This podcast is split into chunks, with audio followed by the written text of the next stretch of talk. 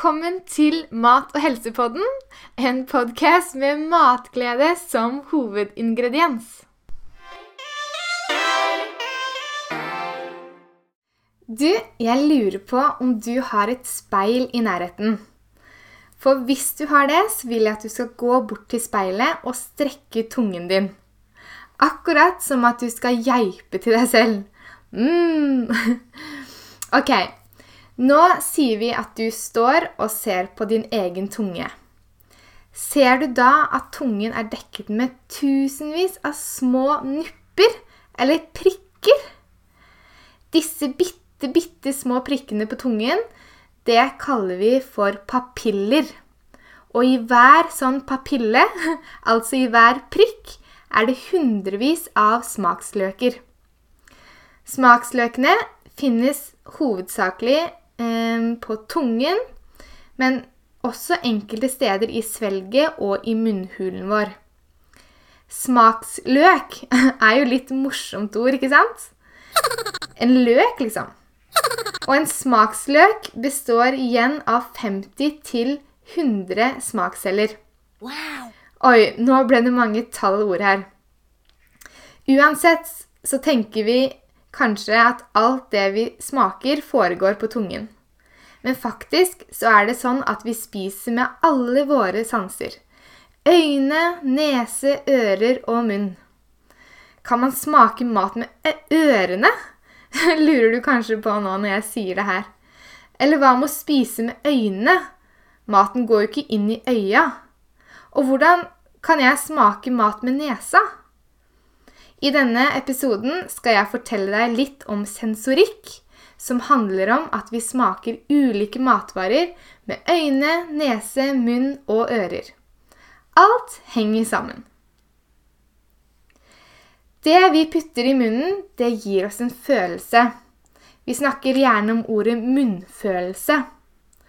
Ord som beskriver hvordan vi føler smaken oppleves i munnen. Som det, ja, det kan være myk, hard, kremete, sprø, lunken, kald, tørr, kornete, brennende, varm. Når man spiser noe som er altfor varmt, høres det gjerne litt sånn, sånn ut. Når vi skal spise noe, så begynner vi å tenke på hva maten smaker allerede før vi har den i munnen. Og hvorfor er det sånn? Jo, for hvis maten ser god ut, og vi vet at vi snart får noe vi liker, da er synet vårt med på å smake.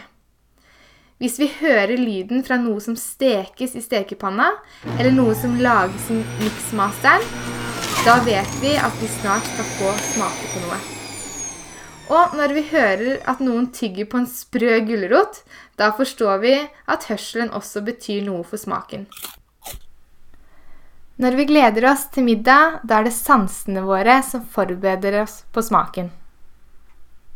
Men vi kan også bruke følelsene til å kjenne på maten med fingrene, og vi kan kjenne den i munnen. F.eks. når vi skal sjekke om et brød er mykt, eller om det er en hard kavring. Før vi spiser, kjenner vi lukten av mat. Lukt vi liker, gjør at vi gleder oss ekstra mye til å spise og smake. Ok, la oss ta for oss én og én smak. Start med å se for deg at du setter deg ned ved middagsbordet hjemme. Du er spent på hva som står på menyen, og du håper at det er noe godt å spise.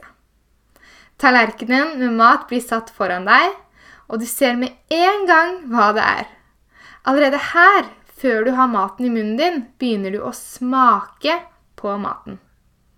Hvordan? Jo, vi sier at vi smaker med øynene våre. Det du ser på tallerkenen foran deg, danner en forventning av hva det skal smake. F.eks. hvis du ser et grønt eple, så tenker du at det skal smake syrlig og litt surt. Mens et rødt eple smaker mer søtt. Du har kanskje hørt uttrykket 'å få vann i munnen'. Og det er litt sånn rart uttrykk. Men det betyr at vi ser eller hører om noe som smaker veldig godt, og da starter spyttproduksjonen i munnen vår. Vi gleder oss til å spise, og du får, en, du får på en måte en mer spytt i munnen din. Veldig rart, i grunn. Hm. Men visste du at barn liker spesielt godt sterke og skarpe farger på mat? Kanskje det er derfor det er så gøy å drikke smoothie? Fordi ja, du kan jo bestemme hvilken kul farge du vil ha på den smoothien selv.